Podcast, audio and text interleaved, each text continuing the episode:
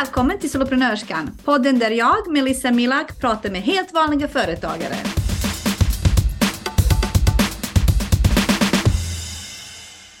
Hej och välkommen till dagens poddavsnitt av Soloprenörskan. Idag pratar jag med Mikaela. Hej Mikaela! Hej Melissa! Så kul att du vill vara med. Tack, jätteroligt att få vara med. Jag är jättepepp.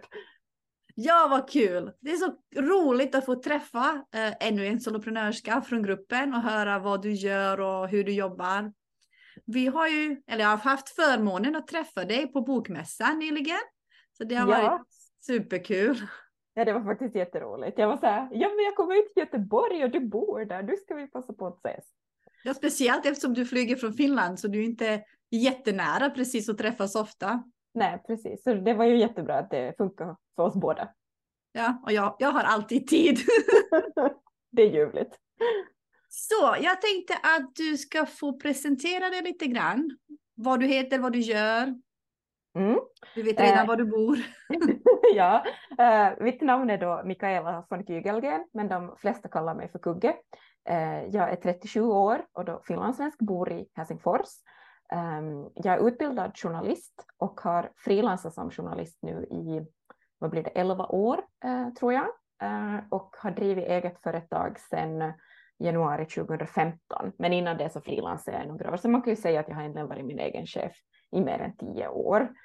Um, och utöver frilansartiklar som jag då skriver för en massa olika kunder så gör jag lite översättningsarbeten mellan finska och svenska åt båda hållen. Jag är tvåspråkig. Ehm, Sen är jag ju också författare. Jag har skrivit två romaner eh, som är utgivna på det finlandssvenska förlaget, förlaget M, är jätteförvirrande. Och sen en bok om skrivande som heter Kickstarter ditt skrivande och hittar din skrivrutin som är utgiven på ett svenskt förlag som heter People and Stories. Också en ung kvinna som, som driver det förlaget, vilket jag tycker är jätteroligt. Uh, och uh, utöver det så håller jag skrivkurser och lite kurser för företagare om att hitta fokus och gör en arbetsbok som heter Mitt företagsår som riktar sig till, till småföretagare. Och så, här, ja, så jag brukar säga att mitt jobb är en så här sillsallad av 7000 olika saker, men det är också hur jag är som människa. Jag ska inte orka bara göra en sak, jag behöver ha många olika grejer. Eh, ja. Ja. Underbart, det är mycket på gång hos dig. Eh, ja. Jag skulle vilja höra hur det hela började. Alltså hur, varför blev du egenföretagare? Ja, alltså jag kämpade ju emot det ganska länge i och med att jag inte ville starta eget. Att jag frilansar så fakturerar jag via så här olika så här typ frilansfinans och sådana tjänster som finns. Uh, och, men sen började Varför, jag... Om jag tänkte avbryta det redan där, varför säger du att du kämpade emot det? Vad är det som gjorde att du inte ville? Mina föräldrar är, är företagare uh, och jag, jag såg hur de jobbade när jag var liten och jag tänkte att så där vill jag inte ha mm. mitt arbetsliv. För det kändes som att de aldrig riktigt kunde ta semester och de var väldigt bundna till en fysisk plats uh, och, och sådär. Och jag, och jag såg och tänkte att nej, men det där verkar inte alls kul sådär som ett arbetsliv. Men uh, så därför var jag sådär att nej, jag vill inte göra det här. Men att jag är ju en företagare i själen så att det var ju bara en fråga om tid uh, när jag skulle starta eget. Och, och sen också när jag insåg att jag behöver inte göra på samma sätt som mamma och pappa, att jag mm. fick göra det på ett eget sätt.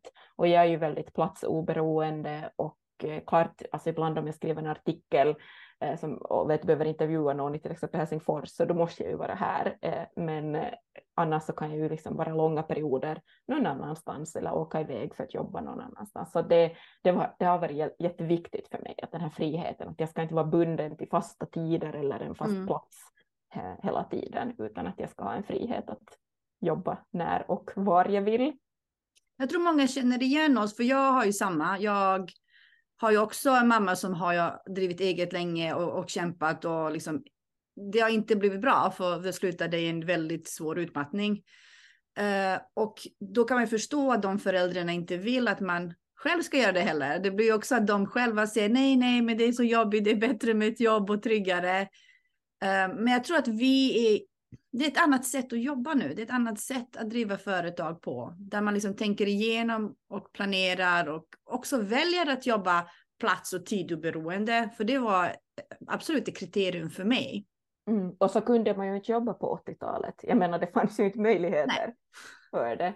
Uh, och också att mina föräldrar hade anställda och jag vet att i perioder om de hade det tufft så då måste de ju betala anställdas löner först och då kanske det inte blir så mycket kvar åt en själv och, och jag har varit alltid så här, jag ska aldrig anställa någon. Uh, jag tycker ju om att anlita andra människor, alltså att, vet du, att, jag, att någon som kan fakturera.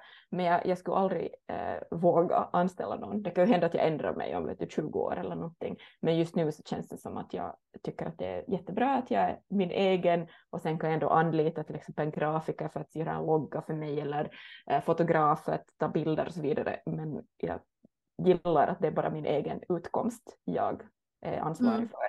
Jag håller med, jag, jag är precis likadan.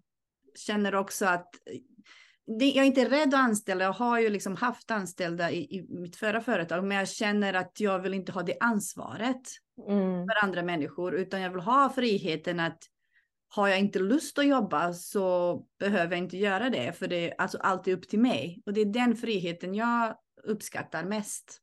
Ja, det, det är nog samma, samma här. Att, eh, Eh, men sen tycker jag att det är jätteroligt att göra till exempel så isolerade samarbeten med någon annan. Mm. Jag har mm. till exempel haft skrivkurser med Ellen Strömberg, som är också finlandssvensk eh, författare och, och jobbat andra projekt ihop med andra företagare. Det tycker jag är jätte, jätteroligt, för då det finns ju ändå möjligheter att göra saker tillsammans med någon annan. Absolut. Men man behöver inte starta ett bolag bara för den sakens skull. Nej, jag håller med dig, absolut. Ta hjälp och samarbete är ju hur kul som helst. Precis. Men vi, du skulle berätta varför du startade eget. ja, jag hade ju då frilansat äh, typ två år kanske och, och, och tänkte så här, ja men okej, kanske det skulle vara bra om jag skulle ha ett eget företag. Uh, och sen började jag faktiskt göra örhängen av så här skumpakorkar, alltså så här, vet du, uh, alltså champagnekorkar och, och, och kavakorkar och så här att jag skar av med en helt vanlig kökskniv den här botten där var det står typ kava eller möe eller någonting sånt och så gjorde jag örhängen uh, av det och då tänkte jag att okej, okay, om jag ska börja sälja de här så då behöver jag ju faktiskt ett företag. Att jag vill liksom inte hålla på och fixa på något vis. Jag vet inte riktigt hur jag skulle ha gjort så att det blir rätt med skatter och allting. Så. Men hur mycket champagne drack du egentligen? Nej, men jag, jag, fick, eh, jag fick korkar från restauranger och barer, så det var okay. jättenice. Jag gick dit och var så här, hej, jag gör örhängen, att, uh, kan jag få Eh, av er. Det fanns till exempel en champagnebar i centrala Helsingfors och de var så här, ja, ja såklart så kom jag därifrån med en stor påse moe-korkar. Ja, det var jättekul. Men jag menar, de skulle gärna ha slängt dem så det var ju på det sättet återvinning. Så det var, det var egentligen orsaken till att jag startade eget. Nu i efterhand har jag ju insett att no, det var ju lite larvigt att det var just de här örhängena som var det här som fick mig att, att starta eget företag. Men eh, jag menar, vilken orsak som helst det var bra. Ja, bara du kom igång. Exakt. Och jag hade ju på det sättet, jag hade ju ändå kunder som jag frilansade för, så det startade ju inte från noll. Och, och jag hade också, jag menar, då bodde jag med mitt ex i, i min lilla lägenhet och vi hade jättelite liksom, utgifter och sådär, kostnader. Så jag hade också möjlighet att, att på det sättet chansa eh, på mm. det här. Och också under det här första året så, eh, så frilansade jag nu en del på radion, på radionyheterna här i Finland. Eh, så jag visste att jag fick också in pengar därifrån, men sen slutade jag med det under hösten, för jag kände att, att det blev för splittrat. Att jag var typ två veckor, nej två dagar i veckan på radion, eh, och sen med nyheter, vet du, om du har varit borta i en vecka, så du är helt förvirrad fast du har följt med, så det är sådär, har vi haft med den här nyheten igår eller inte? Och sen, sen jag jobbar ofta tisdag, onsdag, och sen på måndagar det det jättesvårt att komma igång med mitt företagsjobb, sen torsdag, fredag kändes det så här, men veckan är ju nästan slut, att, när, att, att det blev så väldigt splittrat. Mm. Jag visste liksom inte hur jag ska hitta fokus och så kände jag att nej, men nu, nu släpper jag taget om de här inhopparturerna på radion och äh, satsa fullt ut på mitt företag. Att jag, hade, jag hade inte en press att få in jättemycket pengar och jag hade en liten buffert och, och så där. Så det kändes att okej, okay, men nu kör vi. Och, och sen mm. efter det så har jag inte behövt så där look back som man säger på engelska. Men vad, vad trevligt. Alltså jag tänker så här, det är bra du berättar att du kände, vad är det som, vad som gjorde dig tillräckligt trygg att faktiskt våga satsa? Är att du ändå kände tryggheten finansiellt, alltså ekonomisk trygghet, att du kunde ge dig själv en chans att prova på oavsett vad som händer. Nej, som sagt, jag hade ganska små utgifter månatligen för vi var två personer som bodde på 30 kvadratmeter och, och min min, min kille då, han hade ett välbetalt arbete och sådär, att eh, det var inte som att jag levde på hans pengar, men att, att jag visste liksom att om jag någon månad kanske inte skulle ha så mycket så kan han betala lite mer för mat eller någonting sånt. Och sen också visste jag att men jag kan ju alltid återvända till, till radion. Mm. Alltså att de, de har alltid behov av inhoppare. Mm. Så jag har fortfarande, nu har jag kanske de helt senaste åren här släppt det, men ännu liksom i ganska många år tänkt att men om allt skiter sig, så då, då, liksom, då får jag tillbaks dit och bara men jag, jag gör lite jobb där. Mm. Och jag har inte behövt göra det, så att jag har ändå känt att det finns en trygghet. Sen har jag ju, jag menar, jag har föräldrar som kan, eh, liksom, inte kanske ekonomiskt hjälpa mig, men till exempel om jag skulle vara tvungen att sälja min lägenhet skulle jag kunna flytta hem till mamma och pappa, vet jag menar, eller lagt ut den på hyra, alltså, jag menar att det fanns ändå ett jättestort nätverk, ett, ett trygghetsnätverk för mig, så jag är nog väldigt privilegierad på den fronten. Och, jag tänker du har också tänkt igenom, okay, så vad är det värsta som kan hända? Och så har du tänkt de absolut värsta scenarierna och insett att inget var så farligt, det löser sig ändå. Precis. Jag tänker det, det, det är många, många är så här, åh det är farligt, jag vågar inte. Fast sätt dig ner och fundera på vad är det som är farligt? Vad är det som kan hända? Vad är det värsta som kan hända? Och sen kanske också vad är det bästa som kan hända? Och är det värt att inte uppleva det? Bara för Precis. att man är rädd. Och också, jag brukar säga att det var jättebra att jag, jag, jag blev ju företagare, eller min egen ganska ung ändå. Uh, och uh, jag hade aldrig vant mig vid, en, vid ett högbetalt uh, mm. lönearbete. Alltså jag vet så här, vänner som kanske har börjat tjäna, nu bor jag ju i Finland så jag pratar med euro, men kanske 4-5 tusen euro i månaden. Så för dem skulle det ha varit en större chock att kanske gå ner till, till den ekonomiska nivån som jag, jag låg på eller ligger på. Men jag har aldrig vant mig vid att få in en stor lön varje månad och jag känner att men jag behöver inte de där pengarna. Jag har, det ändå, jag har ändå jag har kunnat köpa en lägenhet, jag har kunnat betala av det här lånet, jag kan resa, jag kan äta god mat. Jag tycker inte att jag går miste om någonting. Att jag är ganska sådär också ekonomiskt lagd. Mm. Att jag funderar noga på vad jag sätter mina pengar på. Då räcker de långt. Nej, jag tänker oftast jagar vi pengar utan att också reflektera över vad är det vi behöver, vad är det i livet som gör att jag mår bra och är lycklig. Precis. Det är sällan svaret är pengar. Ja, och nu är ju också, jag har ju inte barn och jag bor fortfarande i den här lilla lägenheten nu med min nya äh, kille och, och liksom att vi har ju på det inte så stora utgifter till vardags. Och många säger, men varför bor ni på 30 kvadratmeter?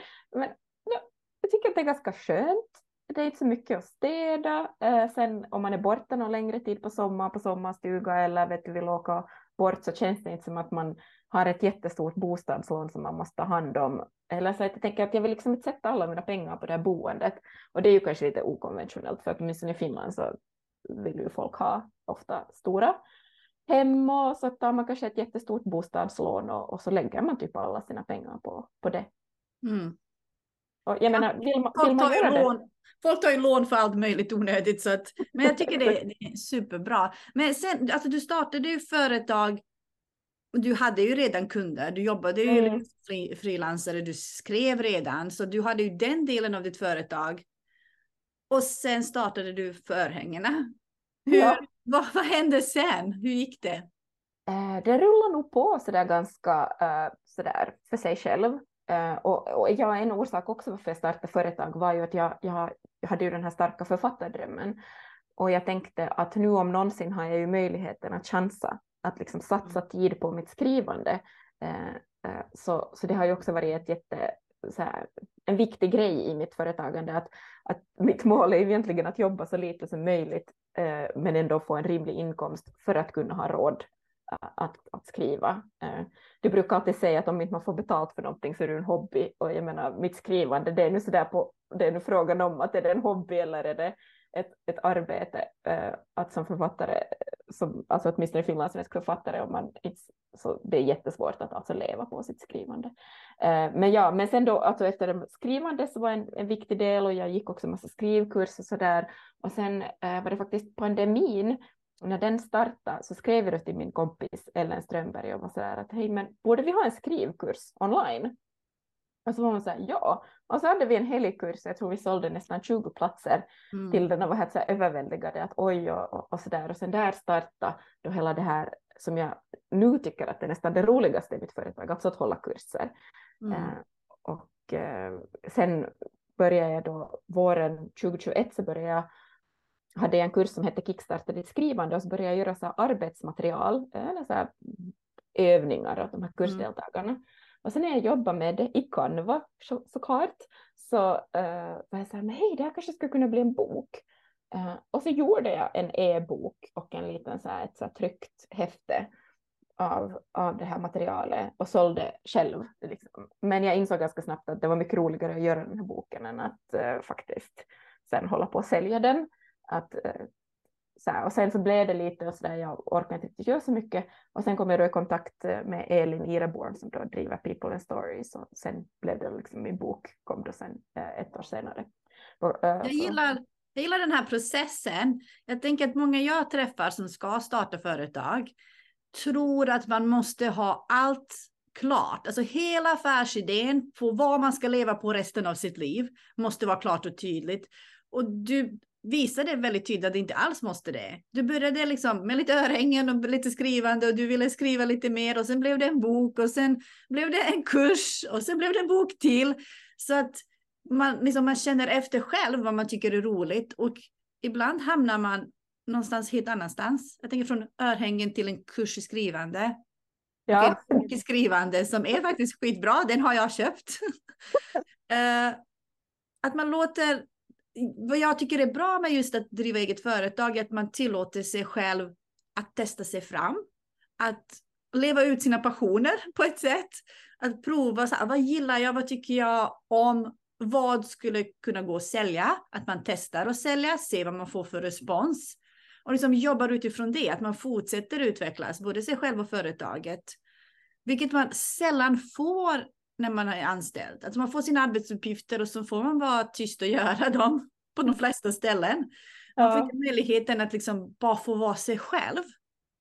Ja, och jag tycker att det roliga är att alltså, många av de här grejerna som jag gör, att, att de på något vis föds väldigt så organiskt. Mm. Att jag lite så här ramlar in på något spår och så, så här, oj, det här var ju ganska roligt. Uh, och, och sen blir det plötsligt någonting mer. Och uh, till exempel de här skrivkurserna som jag har haft nu då i, vad blir det då, tre och ett halvt år har jag hållit på. Uh, och det har blivit jätteviktigt för mig och det är jätteroligt och jag brukar få väldigt fin respons av, av mina kursdeltagare och det känns som att att jag gör någonting värdefullt, att ifall mm. jag inte blir en jättestor författare själv, så åtminstone har jag hjälpt väldigt många andra människor i sitt skrivande. Och, jag, och det handlar inte heller alltid om där man ska bli utgiven och, och det där, utan att man hittar liksom glädjen i det där skrivandet. Alltså, vet du, det finns en sån energi på de här kurserna. Fast vi mm. sitter på Zoom, att det, liksom, att det, det liksom kommer genom rutan. Jag tycker att det är det som är så häftigt. Att det känns som att jag, jag gör skillnad i de här människornas liv. Mm. Det, det, det tycker jag också är så fantastiskt med just kurser.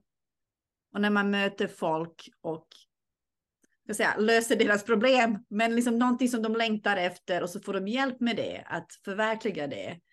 Alltså det jag upplever med mina kunder att de blommar ut på något sätt.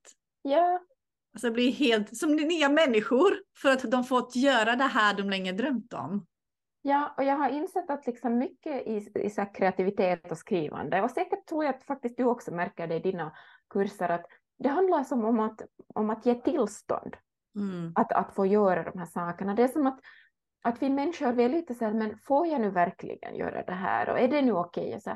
Men både du och jag, vi ger ju som tillstånd, du ger tillstånd till folk att ja, men du får driva ditt företag, du får göra det på dina egna villkor och, och du får göra precis som du vill så länge mm. som vet du, det är någorlunda lönsamt och det är fiffigt för dig. Uh, och samma för mig, att jag, liksom, att jag ger det här tillståndet att skriva. Det är som att mm. människor törstar efter att någon utifrån ska komma och säga, men snälla vän, det är okej, gör det här, det blir bra. Jag tror det beror på att man har en inre längtan efter någonting. Men hela samhället omkring en ser nej mm. till det hela ditt liv. Mm. Och här kommer någon som inte bara ser det okej, okay, utan också ser det bra och visar dig hur du ska göra. Och att det är roligt. Ja. det också. Men din kurs eh, och boken, vem riktar den sig till? Eller de? Eh, ja, boken äh, den heter ju då, hela titeln är Kickstarta ett skrivande och hitta din skrivrutin. Och äh, klart att det finns eh, en viss så här kanske för, för nybörjare eller sådana som är i början av sin, sitt skrivande liv. Men det roliga var att efter att den här boken hade kommit från tryckeriet då förra hösten så, eh, och jag var ganska låg just då, det kändes jättekonstigt att jag har gett just ut en bok som ska så peppa folk att skriva och sen var jag själv så där i en enorm skrivsvacka och tvivlade jättemycket på att ska jag nu ens skriva någon jävla roman när ingenting verkar bli bra. Så alltså, jag, var, jag var på riktigt mådde ganska skit över det. Sen låg jag i soffan och läste min egen bok och min sambo kom in och var sådär, alltså varför läser du din egen bok och du skriver det? För den är så bra! Nej men alltså för att jag på riktigt jag behövde läsa de där orden för att börja liksom påminna mig själv om att ja, men så här är den här processen. Det är skit ibland. Så på det viset tror jag att den här funkar i många skeden i, i skrivprocessen. Att det, ja, att det går liksom inte att säga, alltså klart, men också för folk som kanske vill få in skriv, mer skrivande i sitt liv, oavsett om man har skrivit mycket eller lite. Mm.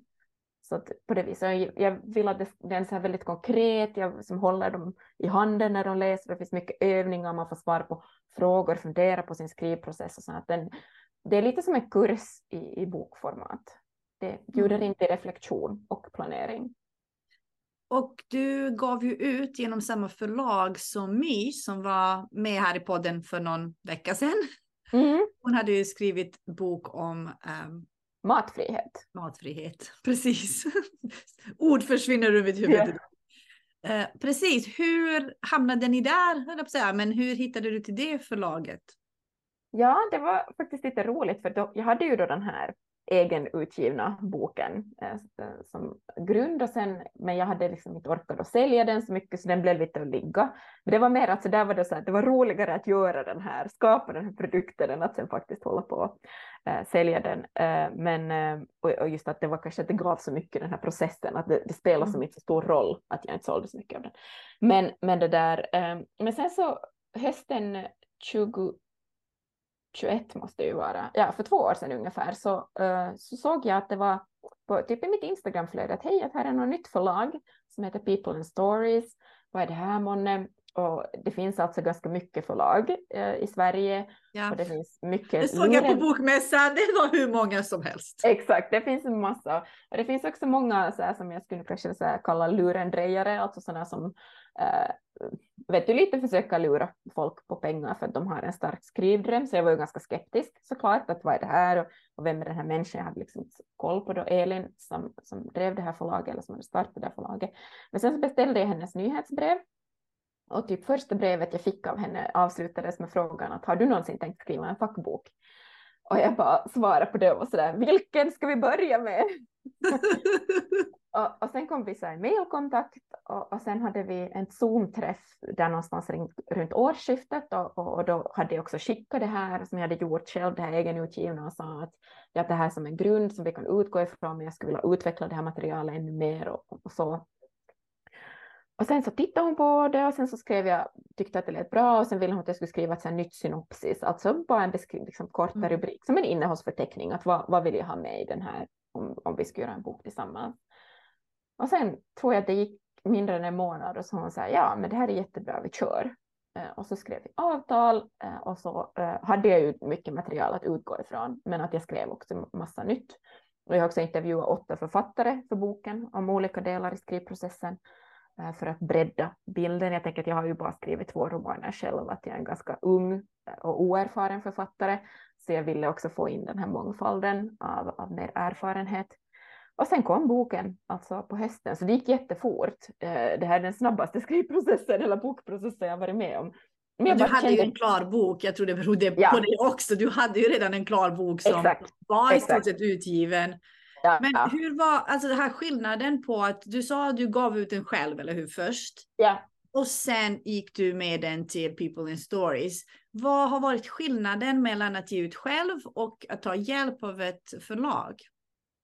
Den största skillnaden är ju att jag själv inte behöver hålla på att sälja den här eh, boken och att den här boken finns, vet du, den finns på Adlibris och den vet du, finns i så här förlagssystem heter det och då kan också bibliotek beställa in den och så vidare. Att den är, det hela den här distributionen eh, och jag hade till exempel inte fixat ISBN-nummer eh, till min lilla egenutgivna grej och det var ju bara ett litet häfte Eh, på typ 40 sidor. Sen fanns det en e-bok som hade mer material. Men nu är det här ju liksom, det här är ju en bok med hårda pärmar, 160 sidor, alltså jag skulle aldrig haft typ råd eller mm. jag skulle inte ha vågat trycka upp en så här riktig bok för egna pengar, för det kostar ju ändå, det är en stor investering. Så att där slapp jag ju lägga ut några pengar på det. Och sen också det där att jag behöver ju inte fatta alla beslut själv och vet du, det var, vi anlitade en person som gjorde omslaget och alltså det, det, finns nog en poäng med att ha ett förlag för då, då får mm. man fokusera på det man kan bäst, alltså det där skrivande. Sen tycker jag att det är roligt att marknadsföra boken och, och liksom bara till exempel på bokmässan och, och träffa läsare och signera och, och där och jag kan också gärna pusha den och så där. Men jag tycker mm. det är jätteskönt att huvudansvaret ligger inte på mig. Ja, du fick så mycket hjälp kring det. Jag, jag är alltså bara nyfiken, jag har aldrig gett ut någon bok. Så jag är bara nyfiken på de här frågorna. Jag tänker att kanske fler som lyssnar vill veta liksom, skillnaden och, och hur ja. man gör. Men sen har du också, brinner du för planering, vet jag. Du gillar, ja. um, vilket är jättebra det här, att du reflekterar över ditt företag och du har liksom en plan på hur du vill driva ditt företag precis som du själv vill. Så du mår mm. bra, företaget mår bra hur kom det här passionen till och det du gav ut, eh, mitt företagsår? Ja, det är nu en så ytterligare lång historia känns det som, men alltså för fyra år sedan så var jag och min kompis Jennifer Sandström, så eh, vi bokade in oss på ett fint hotell här i Helsingfors centrum och, och, och sen gjorde vi en sån här tillbakablick på, på det här 2019 och, och hur det hade varit och vad vi har fått för lärdomar av det och så där. Och sen tror jag att vi också lite planerar framåt för nästa år. Uh, sen följande sommar så hade vi typ en tre dagars så planeringskonferens eller företagarnas så sommarfest eller någonting, bara hon och jag då, på mitt landställe. Och, och då la vi ut såklart på, på sociala medier att nu gör vi det här och det var ju liksom mm. det här pandemiåret. Uh, så det var ju jätteroligt att ens kunna liksom träffas på riktigt. Men sen fick vi ganska mycket frågor om att vad är det ni egentligen håller på med? Alltså vad är det, alltså, vad är det för frågor ni svarar på? Hur funkar det här upplägget? Vad gör ni? Och då började vi fundera att men borde vi kanske göra arbetsböcker av det här som hjälper andra företagare att just reflektera och planera och, och liksom helt enkelt få en koll på vad har man hållit på med, mm. vad, vad har man lärt sig av det och vart vill man gå till, liksom efter det här. Och jag kan ju säga att då när jag mina första år som företagare gjorde jag överhuvudtaget inte något sånt här. Och ja, det, det gick ju bra ändå, men jag tänker att åh vad mycket lärdomar och insikter och kanske på något vis genvägar framåt jag skulle ha fått om jag skulle haft mm. lite bättre koll på den här helheten. No, sen så började vi då bygga, liksom, eller planera de här arbetsböckerna med Jennifer och så lanserade vi dem första gången hösten 2020. Uh, som alltså, och först hade vi tänkt att det skulle bara vara digitalt, men sen blev det ändå papper för att vi insåg att ja, men många älskar ju att vet du, du får skriva för hand, sen får du mm. spara mm. de här böckerna vet du, någonstans, så, så kan du bläddra i dem längs med året och så vidare. Det, det finns en viss, ett visst värde i att faktiskt ha en pappersprodukt.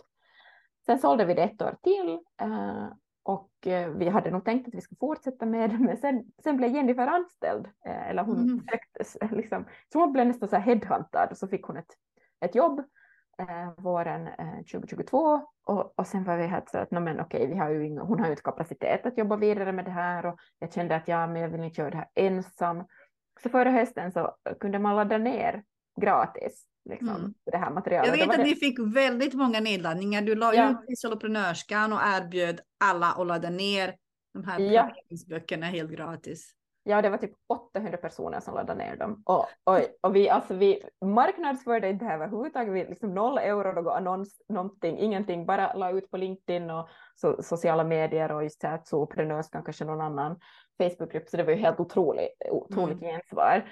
Um, och sen tror jag någon gång på våren, eller när var det, alltså någon gång så började jag känna sig, men skulle det nog inte ändå vara roligt att göra de här liksom, fysiska arbetsböckerna igen?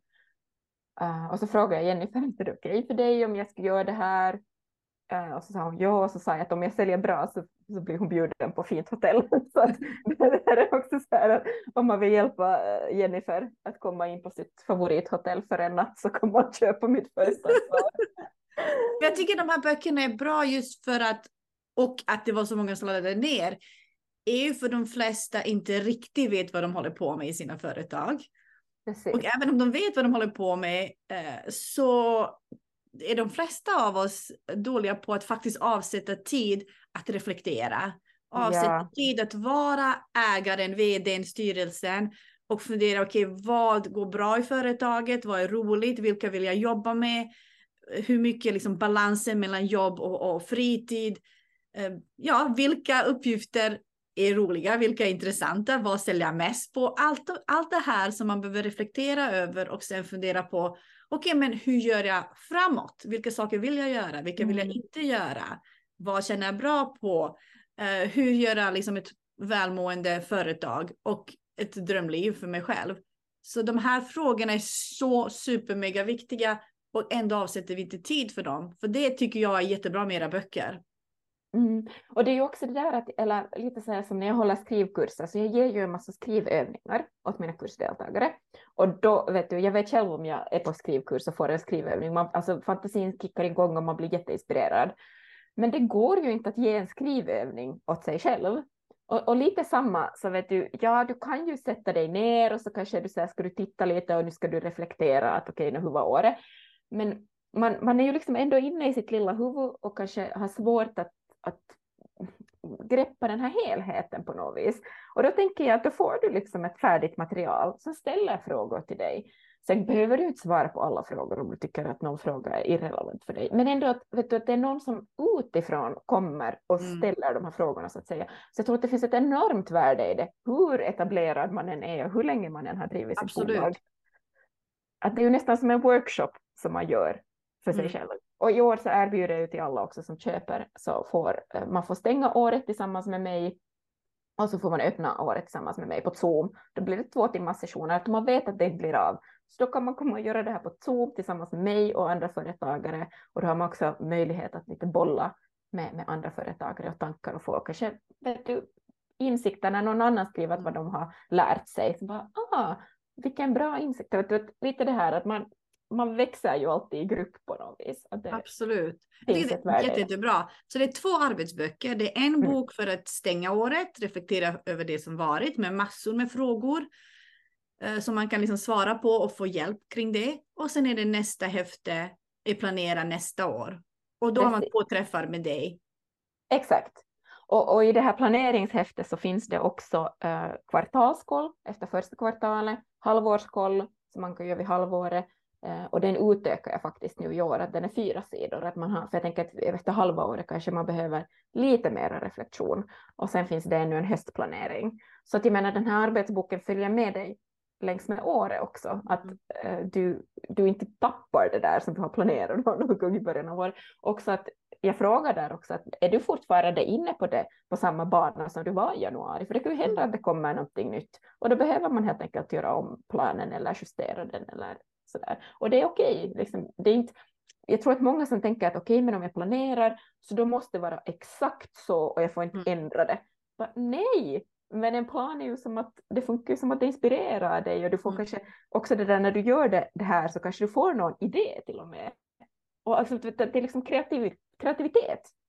Och Jag skulle säga att planera året är att sätta ramar för sig själv. Vad jag tycker är viktigt och vad jag, liksom, hur jag vill ha det. Jag har också fått frågan, jag vill inte planera, jag vill inte sätta alla mål. Vad händer om jag inte når upp till det? Ja, men vad Mm. händer om du inte sätter några alls? Absolut Ja. ingenting. Så det är jättebra att liksom börja planera vad som är viktigt, vad vill jag uppnå? Och sen är det, alltså ibland som du säger, man får idéer. Det kommer ju liksom, jag har gjort, jag har liksom här gjort jättefin plan över året och sen har inte jag gjort hälften utan jag har gjort andra saker som varit Ja. jätteroliga. Men det är fortfarande okej för jag håller mig inom ramen av vad jag vill och vad som är viktigt för mig och vad jag tycker är roligt. Så att man får förändra. Jag tycker det är jättebra att du också följer upp under året. Ja. Ibland, gör, ibland gör man en fantastisk plan i början av året, man vet vad man vill och sen glömmer man bort. Så man Ja. måste blicka tillbaka och se, okej, är jag på rätt spår? Är jag Ja. liksom fortfarande på väg dit jag, jag vill vara på väg eller dit jag, det jag vill nå? Så det är jättebra att man får kvartals, eh, kvartalsuppföljningar. Mm. Ja, och alltså, jag vet inte, eh, jag, jag bara säger själv, själv ser jättemycket fram emot att igen få fylla i det här på papper. I fjol så mm. jag har en sån här läs och skrivplatta som heter Remarkable, så jag gjorde det på, på den i fjol. Men det är inte alls samma känsla som att faktiskt ha de här arbetsböckerna och sen att just kunna bläddra i dem och här. Så jag har så här jättepepp imorgon, eh, det här är nu 7 november som vi spelar in det här, men att imorgon ska jag plocka upp 150 stycken på tryckeriet. Så jag hoppas att det är någon som vill, vill ha den här för annars så kan jag inte grava med en så här hög av arbetsböcker. jag tror definitivt folk vill ha dem och jag, jag håller med att penna och papper i livet. Det är, ja. Jag skriver dagligen, varje dag, alltså allt från listor till hur jag mår och skrivterapi som jag också har poddavsnitt med, ehm, med Jessica Hjärt som jobbar med skrivterapi. Så att skrivande tycker jag är så otroligt viktigt. Det, det är en typ av coaching och terapi med sig själv när man liksom reflekterar och får. Och då tycker jag det är jättebra att man får de här frågorna av dig så att man vet vad man ska reflektera över. Mm. Ja, det finns ju som en eh, det finns ju forskning som visar att när vi skriver med en fysisk penna så det är någonting som händer i hjärnan som inte händer när vi, vi skriver på, på dator. Eh, så det, det, det, är faktiskt värdefullt. Uh, ja. Det blir mer verkligt på något sätt. Ja, exakt, det existerar. Och jag tänker så här, i den här digitala eran när allt är typ en app eller mm. Eh, vet du, ett, ett program på datorn eller en fil eller någonting så att ha en konkret fysisk sak framför sig, det, det finns ett enormt värde i det, känner jag. Mm. Hur får man tag i de här böckerna då? Ja, om man är med i... förlåt. ja, eh, om man är med i Soloprenörskan, så där så kommer jag lägga upp ett äh, erbjudande, men äh, och det kommer också finnas också en, eh, en, en rabattkod och vi, ja, jag kan ju er, äh, erbjuda den här i podden också, men men jag berättar först hur man hittar de här arbetsböckerna. Man går in på min webbplats som heter kuggeskriver.fi, så att jag då finns i Finland. Sen finns där, över, liksom där, där, i den här menyn så finns där en som det står driver du eget och där under så hittar du mitt företagsår 2023-2024. Jag lägger länken under podden också ja. så man kan hitta den direkt, slipper man Skriva fel tänker jag. Ja, och sen eh, de här kostar då alltså 60 euro, de här arbetsböckerna då in, inklusive frakt. De kommer hem till din postbrevlåda och, och du får de här två workshopparna på Zoom med mig. Men med koden soloprenör så får du en trevlig liten rabatt så den blir lite billigare för dig mm. som är, lyssnar på podden eller med i Facebookgruppen. Vi tackar. ja. Men det känns också att det, jag tycker att du Melissa, du har ju byggt upp en helt fantastisk gemenskap och då, då känner jag att då vill man ju gärna också ge tillbaka mm.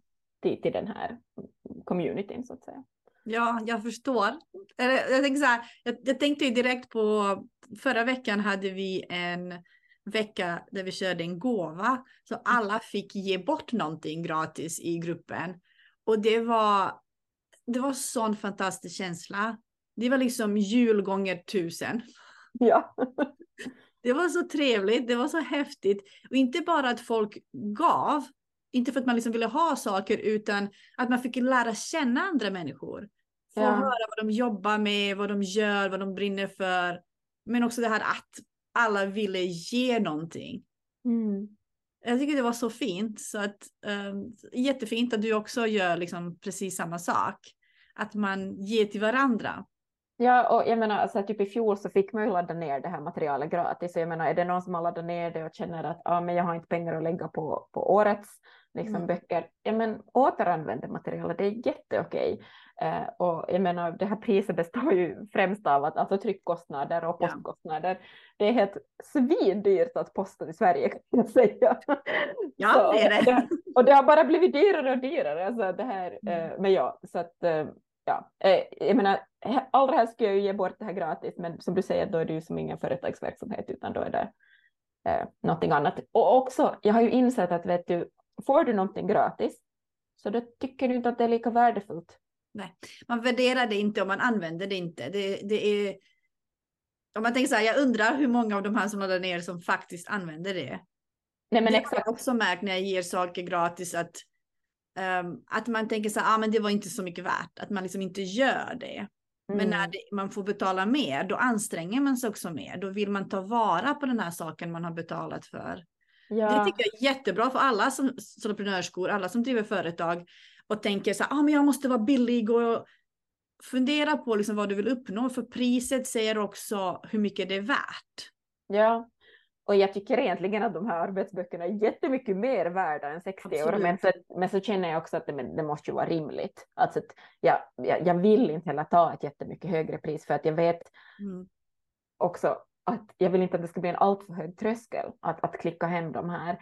Och, och sen, men sen vet jag att sen blir man jätte, jätteglad att för den här lilla investeringen som man har gjort så får man så otroligt mycket. Att det är verkligen, eh, ja, klart att jag förhoppningsvis tjänar på det här, men ändå för mig är det viktigaste att jag kan hjälpa andra som driver eget att få nya infallsvinklar i det de gör, få Mm. insikter, hjälpa, titta bakåt, framåt, allt det här.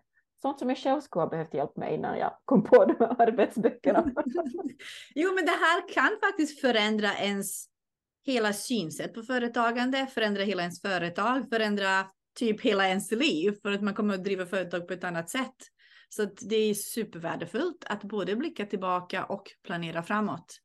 Ja, och jag tror att det är många, speciellt alltså, jag tror första året så då, då hade vi så att man kunde beställa skilt, alltså att man behövde inte beställa den här tillbakablicken utan man kunde bara beställa planeringen. Mm. Men, och då var det jättemånga som struntade i den här tillbakablicken och bara ville göra den här planeringen. Men det är också lite så här att hur ska du planera framåt om inte du alls har reflekterat eller analyserat vad som har varit bra? Då springer vi bara på utan att någonsin stanna upp. Att jag tror också det här att många kan tycka att det är tråkigt att ah, men måste jag nu se tillbaka på det här året. Och jag vet att många, det känns som att många har haft ett lite kämpigt år i år. Det har varit ekonomiskt tuffa tider och det har kanske varit svårt att sälja. Man kanske lite vill sticka huvudet i sanden och glömma bort det.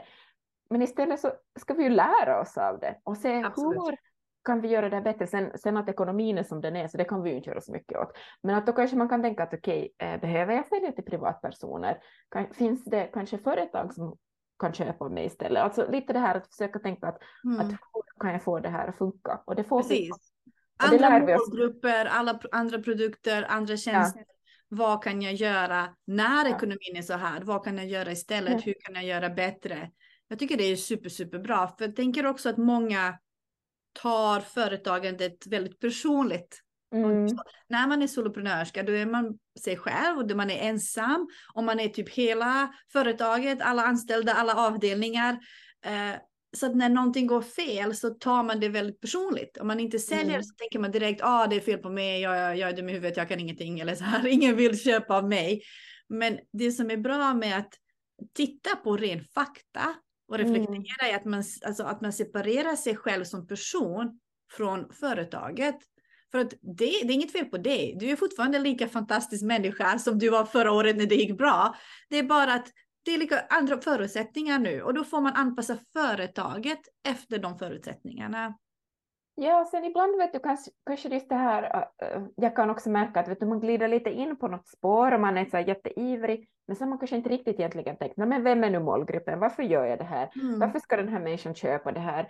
Och, men man är så inne i sin idé och är så pepp och så, åh vad ljuvligt det här ska bli, och sen, sen blir det inte, och sen förstår man inte kanske riktigt varför och, och, Mm. och så. Så li, lite sådana, jag lite så här just försöka fräscha upp nu den här årets upplaga där, lite sånt här liksom att tänka mera på att okej, men vem, vad, vad är det för problem du löser och, och, och vem Mm. är din liksom, idealkund och, och lite det här att försöka ta det ner på en så konkret nivå som Mm. möjligt. Precis, och det är absolut sånt som jag lär ut i min kurs också. Där man får verkligen lära sig hur man bestämmer vem som är kunden och vad man säljer och hur man når den här personen, hur man pratar med den här person, personen. Eh, alltså hur man marknadsför sig och säljer sen. För det är också så här någonting när, när man vill starta eget så tror man, man går och registrerar företag och så går man och gör sitt jobb. Som om man vore anställd. Och det Mm. är inte att ta ett annat jobb. Du ska bygga ett helt företag från ingenting. Så det är, det, är, det är väldigt mycket jobb på ett, på ett helt annat sätt. Så där får man lära sig väldigt mycket eh, hur man gör. Ja, men jag tycker det är just det som vi redan var inne på, men det är ju det här fantastiska, att vet du, du har alla delar, du kan göra vad som helst, alltså du kan verkligen göra vad som helst. Mm. Och just att testa olika grejer, kanske ska man nu köpa ett, vet du, satsa jättemycket pengar på att köpa ett lager som kostar typ en miljon kronor eller någonting, Mm. men om du kan testa och satsa på någonting som kanske inte är en jättestor investering. Så om, om det värsta du, att vet du, du förlorar kanske tusen eller hundra, alltså 10 000 kronor eller någonting sådant. Det är inte en jättestor summa i det liksom långa loppet. Nej. Att det kan vara värt att testa, okej, okay, om jag satsar nu på det här, vad händer? Om inte gick så bra, okej, okay, då lär man sig av det och utvärderar och, och, och ser. Och för mig vad kan man göra istället? Ja, för mig är ju mitt företagsår lite av ett experiment nu i år. För jag tänker att det finns en efterfrågan för den här produkten, men att finns det verkligen, alltså vet du lite det här att jag vill mm. se att är det här någonting som folk vill ha, så nu chansar jag på det och, och sen om det känns eh, bra och, och, och, lockande och det är folk som vill ha det här så då kommer jag ju att fortsätta med det eh, också framöver. Att, men jag tänker att man behöver inte fatta ett beslut för resten av sitt liv som Nej. du just sa. Precis, och man kan gå in på Kugge skriver FI och sen driver du företag längst upp och sen yeah. väljer man att köpa de här uh, böckerna som heter Mitt företagsår. Jag är tvungen att titta på fusklapp fast jag egentligen vet vad de heter. uh, och då får man rabatt, 10 procent tror jag det är, rabatt med koden soloprenör. Mm. Jättebra.